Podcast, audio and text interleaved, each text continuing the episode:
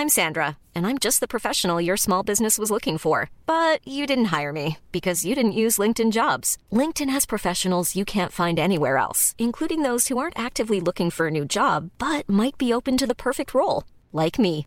In a given month, over 70% of LinkedIn users don't visit other leading job sites. So if you're not looking on LinkedIn, you'll miss out on great candidates like Sandra. Start hiring professionals like a professional. Post your free job on linkedin.com/people today.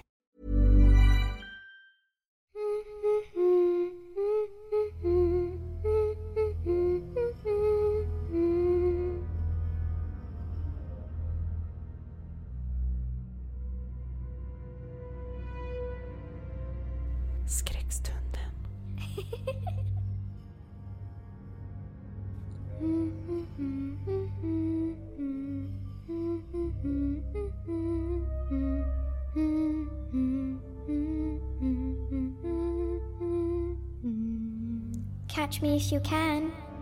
I am right behind you.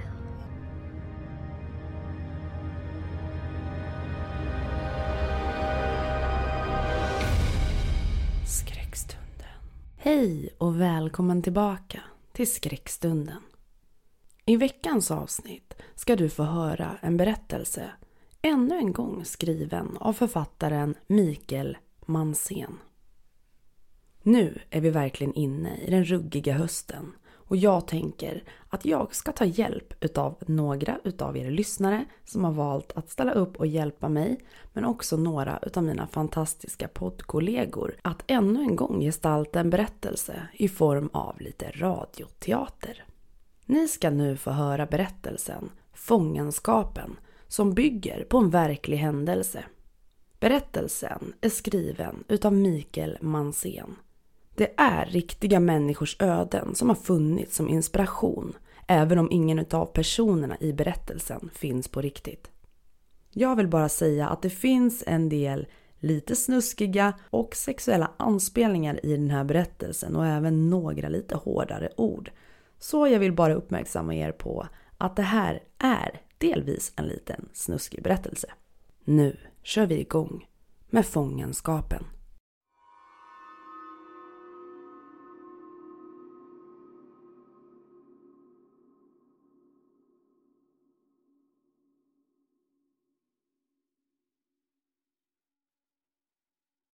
Det var inte problemen med att andas som drev honom galen. Det var pysljudet från andningsmasken.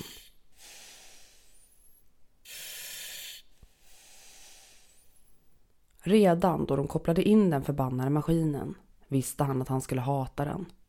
Men vad kunde han göra? Inget.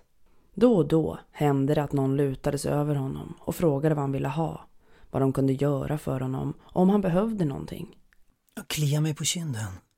Ge mig något som får smärtorna att släppa. Får tankarna att försvinna. Sug min kuk. Ge mig en öl. Ville han svara, men kunde såklart inte. Allt han kunde göra var att blinka med ögonen och gråta. Han önskade att han kunde skrika varenda gång någon tolkade honom fel, så han hatade det. Mest hatade han de nya människorna som blandade ihop ja och nej. Hur svårt kunde det vara? Ett blink ja, två blink nej. Nej förresten.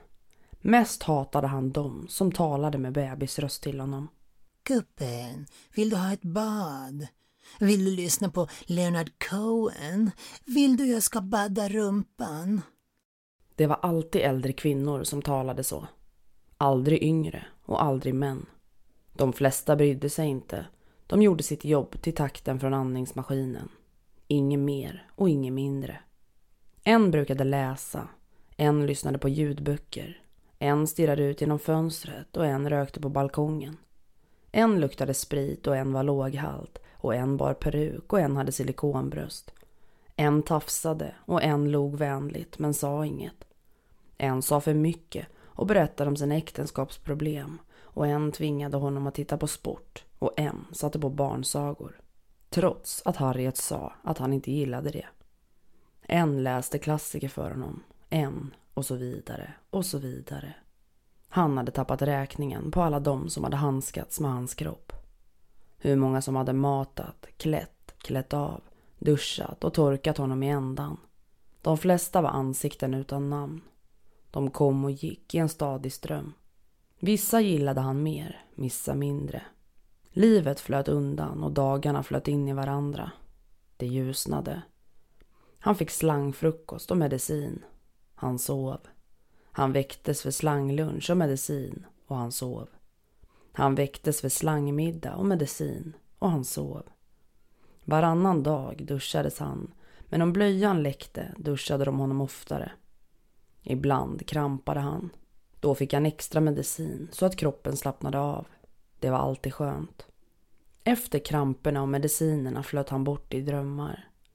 Där var han ung, stark och levande. Han kunde röra sig, klättra, springa. Ibland var han barn, ibland vuxen. Inte en enda gång var han förlamad. Ibland var han tillbaka till den där stunden då han hade tvekat. Det där ögonblicket strax innan, då han hade nästan lyssnat på skriket inifrån. På högtider rullade de ibland ut honom i vardagsrummet. Det var den enda gången han träffade de andra på gruppboendet. De flesta var i samma situation. Tysta, stirrande, blinkande och gnällande. Kött utan mening. Tankar instängda i kroppar som inte fungerade. De flesta var äldre än honom, men det fanns en pojke som var yngre. 12 eller 13. Söt som en ängel och han fick kunglig behandling. Alla brydde sig om honom. Klappade, matade, log och ömmade. När de var i vardagsrummet var det aldrig någon som brydde sig om honom. Ingen, utom Harriet. Han hatade Harriet. Inte alltid, men ibland. Hon var för vårdande, talade allt för ofta med bebisröst. När hon tog hand om honom var det som om han inte riktigt hade någon bakgrund. Som om han fötts på boendet. Han önskade att han hade kunnat skrika alla hemskheter som han hade gjort. Alla han hade lurat, slagit, varit vidrig mot. Men han var rätt säker att hon inte hade brytt sig om det. För henne var han ett barn. Alldeles ny i världen och helt oförmögen. Hon hade blonderat håret och hade blåmålade ögon. Säkert hade hon varit het på 80-talet. Men nu lurade hon ingen. De tjocka fettklumparna hopade sig under kläderna. Feta valkar som pressade och rörde sig vid behån, kring ändan och benen. De påsiga bleka ögonen och den ständiga lukten av lavendel. Han hatade det. Han hatade också hur hon alltid satte på skivan med finsk tango och hur hon gnolade till den medan hon städade eller skötte honom. Visst var hon snäll och gjorde alltid sitt bästa, men det sket han i. Helst av allt ville han att hon, den feta häxan, skulle få hjärtslag när hon bytte på honom. Han ville att hon skulle ramla ihop över honom med sina hundra kilo finskt fläsk och kväva honom till döds. Dö. Ja, han ville dö. Förr hade han tänkt, om jag skulle förlora ett ben, bli blind, bli ärrad i ansiktet, då skulle jag ta livet av mig. Men på den tiden visste han ingenting om vad helvetet innebar. Nu tänkte han att vad som helst skulle vara bättre än det här. Förvisso hade han tyckt om Sabar. Han hade alltid tagit det lugnt. Redan från första dagen hade Lars behandlats med respekt.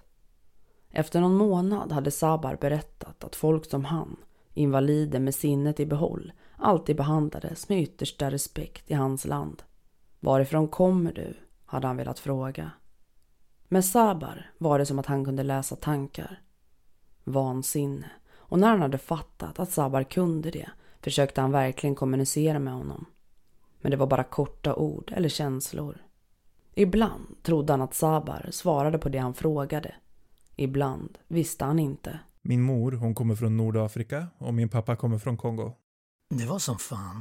Hur äh, träffades de? De träffades på en resa. Är de ihop fortfarande? Min pappa han dog när jag var tre. Men min mamma hon lever. I mitt hemland var hon en respekterad kvinna med många tjänare. Hon hade ett stort vitt hus med massor av odlingar. Folk kom från när och fjärran och betalade dyrt för hennes kloka råd. Hon var också vacker. Legendariskt vacker. När hon var ung hade hon många älskare. En som var en prins. Nu bor hon i Akalla och har ingenting. Men vad i helvete gör hon här då? Vi var tvungna att fly. Det var samma natt som min pappa mördades. I landet där de bodde, där jag föddes, där finns det barn som är soldater. Den natten kom de in i vårt hus, släpade ut min pappa på gården och tvingade oss att se på när de dödade honom. Åh, fy fan. Jag är ledsen för din skull. Verkligen ledsen. Tack för att du lyssnar. Hade Sabar sagt och klappat honom på armen. Du är en fin man. Ibland. Han saknade Sabar. Han hade förstått. Hade läst tankar som en magiker. Men Sabar hade blivit utvisad då han försökte dryga ut sin smala inkomst med knarkhandel. Vad som hände med Sabars mor hade han ingen aning om. Troligtvis bodde hon kvar i Akalla. Den iranska mannen hade han hatat. Han satt alltid och läste tidningen. Ibland hade han sett upp med svarta ögon, sen tittat på klockan, suckat och fortsatt läsa. Många gånger när Lars hade skitit ner sig hade iranien rynkat på näsan och gått ut. Många timmar hade Lars spenderat med att känna hur skiten först var mjuk och rinnig, sen hur den hade stelnat. Skit som stelnade, kliade. Hur många gånger hade han inte önskat livet ur sig själv, bara på grund av det? En gång hade iranien tvingats att byta på Lars. Han hade varit hårdhänt, väldigt hårdhänt. När han hade varit tvungen att tvätta Lars skrev hade han stirrat hatiskt ner på kuken och pungen. Han hade klatschat till dem om och om igen medan tårarna strömmade längs Lars kinder. Efter det hade han vansinnigt nog spottat ett par gånger och gnidit som om han ville att kuken skulle resa sig. Efter det hade han bett till Gud på sitt språk. Iranien hade kommit undan med sitt beteende i ett par månader men sen hade Harriet förstått. Hon hade bannat och sen anmält honom. Då fick Iranien sparken och Lars hade älskat Harriet. Mest hade han älskat den unga brunetten Annie. Hon som hade haft djävulen i sig. Hon hade kommit på honom att titta när hon böjde sig över honom. Den där uppknäppta blusen och de tunga brösten innanför. Den bleka släta huden. Han hade låtit ögonen fara upp och mötte hennes blick. Hon hade sett, hade förstått. Först hade hon backat undan från honom. En stund hade hon funderat medan hon pysslade runt i lägenheten. Senare, när han skulle badas och hon klädde av honom, gjorde hon det med nya grepp. Långsamt och mjukt. Då och då hade naglarna glidit längs med låren, magen och bröstet. Det gick inte att misstolka. Hon hade blivit överraskad av reaktionen. Inte bara det. Hennes ögon for upp mot hans och där inne hade han sett en sorg. En dubbel sorg då hon förstod att han fungerade men inte kunde göra något åt det. Han hade önskat att han kunde le, men det gick såklart inte. Men på något vis hade hon förstått.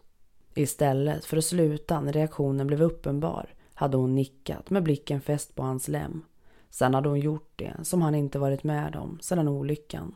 Hon hade låst dörren och sen långsamt börjat klä av sig. Åh, Gud i himlen. Gud i himlen, låt henne fortsätta. Snälla gode Gud, eller Satan om du hör mig, låt henne inte sluta. Kuken stod rakt upp innan hon hade fått av sig behån. Den liksom darrade och han visste att om hon snuddade den så skulle det vara över innan det ens hade börjat. Det hade varit fascinerande att se den så och känna det så. Han hade inte varit så här kåt sedan han var i tonåren. När dörren till lägenheten öppnades skrek han som aldrig förr. Han visste vem det var och nu hatade han henne mer än någonting annat. Det finska skitludret med den gullande rösten. Som alltid pratade med honom som att han var hennes barn, hennes bebis. Såklart hörde ingen honom skrika, men hade de hört så hade de nog kallat på en exorcist. Annie bytte blick med honom och drog snabbt på sig blusen. Utanför skramlade och Harriet ställde sig utanför dörren. Jag tror inte att någon har missat den stigande inflationen och vad dyrt allting har blivit det senaste. Därför känns det faktiskt extra viktigt och passande att jag idag har Anyfin med mig i podden. Anyfin är en ekonomiapp som hjälper dig att få bättre koll på din ekonomi och jag kan säga dig att det är någonting som har hjälpt mig väldigt mycket. Jag kan tänka mig att många av er kanske blir tvungna nu inför jul, födelsedagar och allt som står där till att handla på delbetalning. Eller kanske använder ni redan ert kreditkort extra mycket. Det tråkiga med avbetalning och delbetalning, även om jag förstår att väldigt många använder sig utav det, det är ju att det oftast blir mycket dyrare i slutändan. Därför så vill jag tipsa er idag om Anyfins funktion Sänka räntan. Om du har en kredit eller en delbetalning eller ett privatlån så kan du faktiskt ansöka helt kostnadsfritt i Anyfins app för att se om de kan hjälpa dig att sänka räntan. På så vis så kan din kredit lägga sig hos Anyfin istället och på så sätt så sparar du pengar. Det är som sagt helt gratis att skicka in ansökan till Anyfin.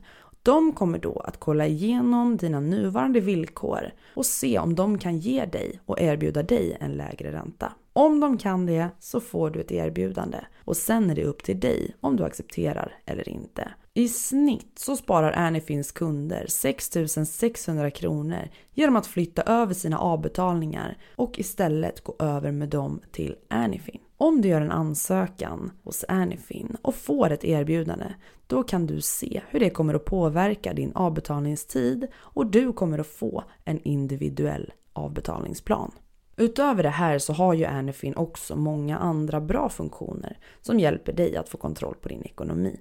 Du kan till exempel se alla dina abonnemang och fasta kostnader i appen så appen fångar upp dem automatiskt. Det är väldigt, väldigt bra och du kanske hittar någonting där som du inte ens visste att du betalar för. Idag är det väldigt lätt att signa upp sig på olika streamingtjänster och sen glömmer man bort det och sen dras det automatiskt varje månad.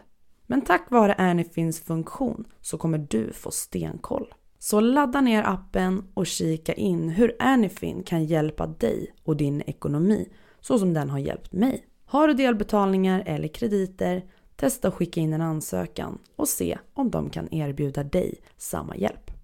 Och ett stort tack till Anyfin. Allt bra där inne? Dörrhandtaget trycktes ner långsamt. Allt bra. Ropade Annie medan knapparna knäpptes. Behöver du hjälp? Nej, nej. Allt är bra. Det är låst. Ja, jag tänkte att han kanske har lite rätt till privacy. Åh, nåja. Han är van vid mig. Ropade Harriet. Ja, men Hon öppnade dörren och stack ut huvudet. Han kanske inte vill ha ett helt gäng folk i duschen. Dumheter. Sa Harriet och gick in. Tack och lov hade kuken slaknat. Och med Harriet där fanns det ingen risk att han skulle resa sig igen. Du måste vara försiktig med honom. Sa Harriet. Han är känslig. Många tror att han inte känner något, men det gör han faktiskt. Hey, I'm Ryan Reynolds. At Mint Mobile, we like to do the opposite of what Big Wireless does. They charge you a lot, we charge you a little. So naturally, when they announced they'd be raising their prices due to inflation, we decided to deflate our prices due to not hating you. That's right. We're cutting the price of Mint Unlimited from $30 a month to just $15 a month. Give it a try at mintmobile.com slash switch. $45 upfront for three months plus taxes and fees. Promo for new customers for limited time. Unlimited more than 40 gigabytes per month. Slows. Full terms at mintmobile.com.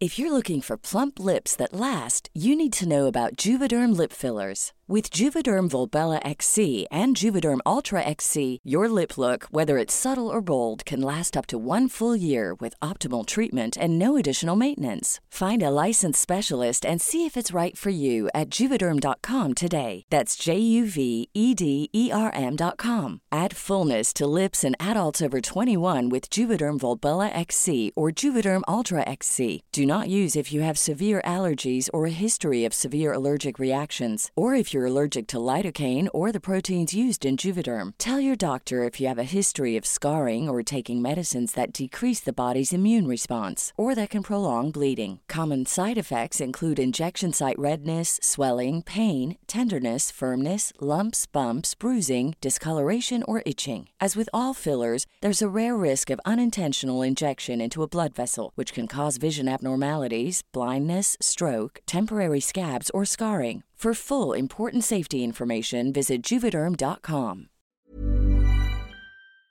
Så när du tvättar pungen måste du vara försiktig. Hon sprutade en stor mängd tvål i handen, vände blicken ner mot honom och började tvåla in. Var varlig, men inte för varlig. Du vill inte att han ska få stånd. Det är jobbigt för honom förstår du. Medan hon tvättade såg hon upp mot honom och log duktigt. Ja, eller vad säger du om det, Bubben? Din gamla hora. Kunde jag röra mig i fem sekunder så skulle jag göra allt för att döda dig.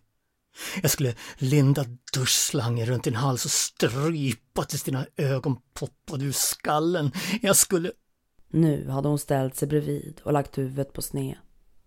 Det fanns något allvarligt i blicken. Studerande och utforskande. De utkämpade ett tyst krig. Båda ville hans bästa, men på olika sätt. Han bad till Gud att Annie skulle vinna, men det gjorde hon inte. Han hade aldrig trott på Gud, men efter det här hatade han honom. Och Harriet. Såklart var Annie helt galen. Vem i världen, utom en galning, ville knulla en helförlamad medelålders man? Men han hade struntat i det. Hon hade gärna fått mördat honom, bara han hade fått den där utlösningen. En gång fick han till och med stånd bara av att tänka på henne.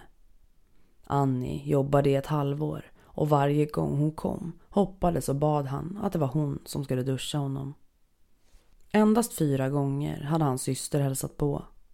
Alltid med det där sammandragna ansiktet och hårt sammanbitna käkar. Det är din födelsedag, Lars. Ja, det vet jag. Harriet gav mig tårta. Jag har inte haft tid att komma. Ja, jag vet. Jag förstår. Sen satt hon tyst en stund. Jag ska skilja mig från Åke.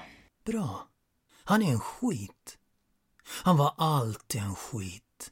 Han har träffat någon annan. En ny. Sen var det tyst igen. Han kunde se hennes skugga röra sig medan hon vaggade fram och tillbaka. Efter en stund insåg han att hon grät. Hon är ung. Väldigt ung. Hur ung? Bara 22. Den lyckliga jäveln. Det är så sjukt. Det är en av Mias vänner. En av hans dotters vänner. Erika är det. Tyst igen. De ska ha barn. Kan du tänka dig så patetiskt? Han är 51 och ska ha barn med sin dotters kompis. Det är så sjukt. Vad tror du att Erikas mamma säger? Jag har ingen aning. Endast fyra gånger hade hon varit och hälsat på. Men eftersom han hade varit en usel bror så kunde han inte klandra henne. Vad hade tagit honom ifrån dem? Fester, fylla, knark, flickor och jobb. Inte vilka jobb som helst. Det hade varit stora grejer. Presentationer, företagspampar som skulle slussas runt. Kontakter hit och dit för att skaffa knark och prostituerade till de rika svinen. Ibland något byggjobb. Han hade älskat det. Byggjobben. Inte som försörjning, men som hobby då och då. Att jobba med händerna och skapa, det var något deras farfar lärt honom. I minnena var det alltid sommar eftermiddag. Solen låg lägre och skuggorna hade djupnat. Han och pappa satt i timmar i boden, fixade och joxade, skar och slipade. Farfar kunde skapa de mest fantastiska och smarta lösningarna på allt. När han var liten hade han sett en piratfilm där viktiga dokument hade varit gömda i en byrå. Han hade sagt till farfar att han ville ha en sån. Inte för att farfar skulle bygga det. Så hade han inte tänkt, utan mer för att det skulle vara något han önskade. Senare, då han fyllde år, så fick han en sån. Ett skåp med ett lönnfack. Han hade inte blivit glad för den. Han hade växt ifrån den där filmen och pirater. Farfar hade sett det på honom och han hade sett att det inte betydde något. När han tänkte på det gick en våg av skuld igenom honom. Han hade kunnat spela glad. Men i de tidiga tonåren spelade inget och inget roll. Men det hade flyttat med honom vart han än tog vägen. Den var i hans studenthem, i hans första lägenhet och senare när han flyttade ihop med Matilda. Då hade den varit sliten och hon hade velat slänga den, men han hade sagt nej. Då hade farfar varit död i fyra år och de hade inte setts på sex. Farfar hade tagit hand om dem bägge. Han hade gjort vad han hade kunnat sen deras pappa gick bort och sen deras mamma hade hamnat i fängelse. Det fanns en tid då han hade varit stolt över sina föräldrar. Storsvindlarna och pappa med pistol på hatthyllan. Han hade visat den för vänner då de var små och senare, när pappa hade dött, hade han gömt den så att polisen inte skulle hitta den. Han hade tagit fram den då och då, hållit i den, känt på den, plockat ut de små patronerna och laddat ur, laddat in. Vilken makt! Matilda hade varit uppe en gång. Hon hade gråtit när hon såg honom. Sen hade hon varit tyst en stund. Hon hade frågat Harriet om han förstod vad hon sa och Harriet hade sagt ja. Men trots det hade Matilda inte haft något att säga. Hon grät en gång till när hon skulle gå men såg lättad ut när hon gick. Han kunde inte klandra Matilda heller. Han hade inte varit en bra man och han hade aldrig varit en bra man. Hur många gånger hade han svikit henne för andra kvinnor? Bortglömda födelsedagar, struntat i saker, supit sig asfull, tagit droger och tömt bankkonton för att betala spelskulder. Hon hade sett de kvarglömda trosorna på sovrumsgolvet, hade fått kliande, svidande könssjukdomar. Hon hade skällt, grälat och till slut gett tillbaka med samma mynt. En stor kraftig man som låg kvar i sängen när han kom hem. Fylld av ursinne hade han gått ut till garaget och letat upp pappas pistol. Sen hade han gått tillbaka till sovrummet, men då hade mannen varit borta. Han hade vrålat och skrikit, hotat och till slut slagit henne. Efter det hade hon lämnat honom. De hade varit ifrån varandra i ett helt år. Sen hade han börjat sakna henne. En kväll hade han gått till hennes lägenhet och ringt på dörren. De hade talat i timmar och sen älskat. Det hade känts som att det nu skulle bli på allvar. Under sex månader levde de i sus och dus, ständigt förälskade och vid varandras sida. De åkte på båtturer, bilutflykter, bodde på romantiska hotell, åt hotellfrukostar och älskade. En hel vår, sommar och höst hade allt varit perfekt och sen kom vintern. Han förlorade pengar, massor av pengar och i samma veva hörde en vän av sig och hade ett presentationsjobb på gång. Han tog jobbet och ägnade fyra dagar åt att lotsa runt massa företagspampar från USA. De hade velat ha fest, knark och horor. Han hade försett dem med allt. Deras chef hade gillat honom och han hade erbjudit en fast tjänst och han hade tackat ja. En virvelvind av samma sak följde. En natt låg han med en av hororna en söt flicka från Ukraina. Några dagar senare brände det som eld när han pissade. Under några dagar kallsvettades han och hoppades att Matilda inte hade blivit smittad. Några dagar senare visade det sig att hon hade det. Hon lämnade honom igen. Och den gången var det på riktigt. Den gången var hon förstörd. En månad senare berättade en gemensam vän att Matilda hade gjort abort. Han sket i allt. Drack mer, tog mer knark. Fler och fler jobb, knullade hororna kondomlöst, hamnade i bråk med chefen och slog honom på käften och fick sparken. När han vaknade upp ur vansinnet var han förändrad. Mager, blek, hålögd och darrande. Han skrev in sig på ett avgiftningshem. Han var duktig ett tag, men började igen när han kom ut. Efter två år hade han förlorat alla kontakter och kunde inte finna några jobb. Huset kunde inte betalas och banken sålde det. Från att ha varit på toppen så hamnade han på gatan.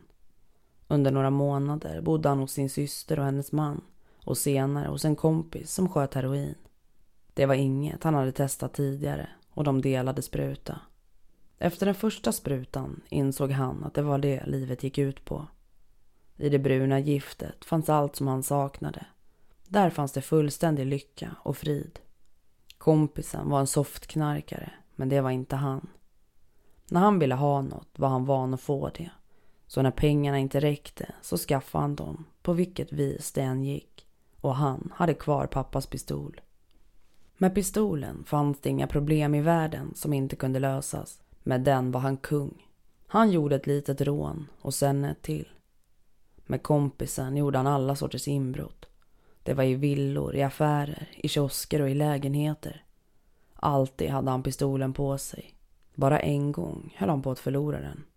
Polisen tog honom i en park på Söder men han lyckades släppa den i en sluttning så att den studsade in i ett par buskar. Polisen sökte och sökte men lyckades otroligt nog inte finna den. Mer och mer och värre och värre. Hänsynslöst jagade han pengar till knark och han visste att han flydde ifrån något men visste inte vad. Sig själv kanske. En kväll kom insikten över honom och han flydde från sig själv, från sin egen lycka och ifrån livet. Efter att ha druckit mer än någonsin i sitt liv, efter en rejäl dos heroin och ett självömkande avskedsbrev stack han pistolen i munnen och tryckte av. När han vaknade var han på sjukhus med tusen slangar i kroppen. Ingen hälsade på honom. Ingen utom en läkare talade med honom. Han var ensam och ohyggligt rädd. Efter någon månad eller två flyttades han till boendet och här hade han varit sedan dess. Fångad i sin egen kropp. Inga vänner, ingen kärlek, ingenting. Detta var hans liv nu. Han hade varit en annan, haft ett annat liv. Han hade fått en glimt av paradiset i Matildas ögon och med henne hade han upplevt kärleken. Hade han inte gjort fel så hade han kunnat haft barn. Han hade kunnat vara far. Barnet skulle ha varit tolv nu. De hade kunnat vara ute på farfars land och fiskat. Han hade kunnat lära honom hur man skapade vackra saker i trä och han hade kunnat vara lycklig. Han hade kunnat haft lyckan med Matilda om det inte bara varit för flykten. Tankarna och drömmarna.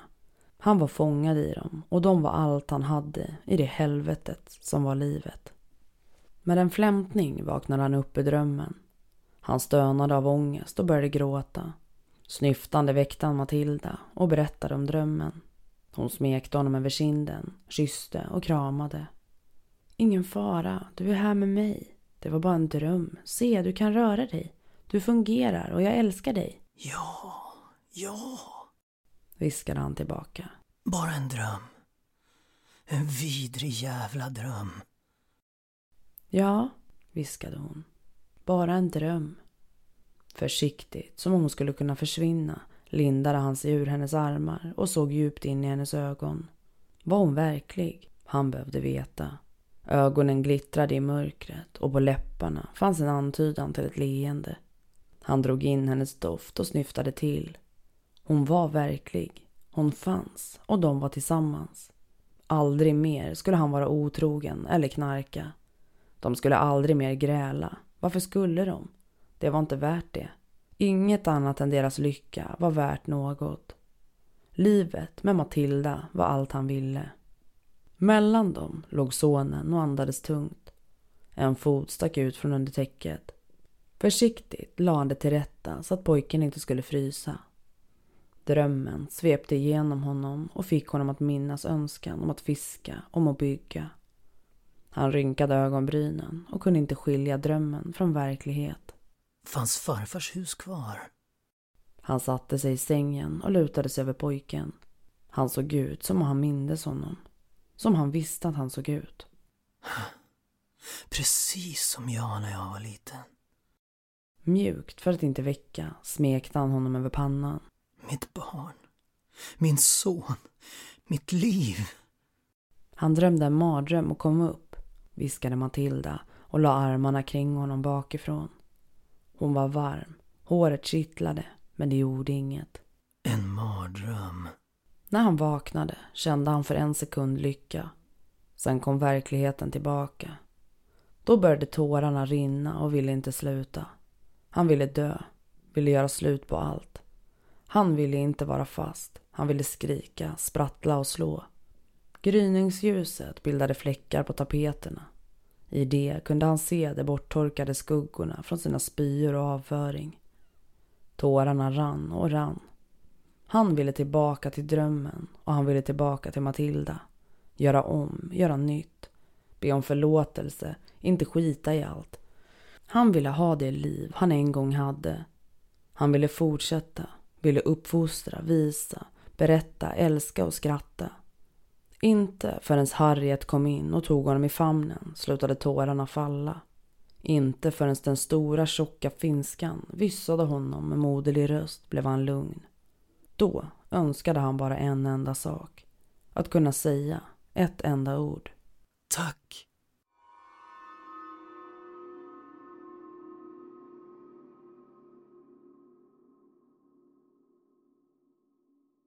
Du har hört berättelsen Fångenskapen skriven utav författaren Mikael Mansén. Till min hjälp så hade jag den fantastiska poddkollegan Emil Eriksson ifrån podden Monsterboxen. Har du inte lyssnat på Monsterboxen så tycker jag att direkt när du har lyssnat klart på det här avsnittet så kilar du in hos Monsterboxen. Ge det ett avsnitt så lovar jag dig att du är fast. Han är fantastisk. Jag har också haft min hjälp utav Erik Ekblad ifrån podden Radioväsen. För er som hänger med och har lyssnat på Radioväsen innan vet att det har varit ett lite längre uppehåll där nu. Men jag råkar veta att Radioväsen kommer komma tillbaka den 1 december i lurarna. Så glöm inte att gå in och följ Radioväsen så att inte du missar den fantastiska podden när den drar igång igen. Jag har också haft till min hjälp lyssnarna Frida, Evelina och Amanda som har hjälpt mig att gestalta några röster. Tusen tack till alla som hjälpte mig med det här avsnittet. Ni är grymma. Jag hoppas att du har tyckt om det här avsnittet och glöm inte att spana in Anyfin. Och ännu en gång ett stort tack till Anyfin som var med mig i veckans avsnitt. Glöm inte heller bort mina sociala medier. Jag vet att jag tjatar om det varje gång men ändå är det några nya som droppar in varje dag vilket jag tycker är superkul. Alla länkar till mina sociala medier hittar ni i avsnittsbeskrivningen under avsnittet. Tusen tack för att du har lyssnat. Vi hörs snart igen. I dina lurar.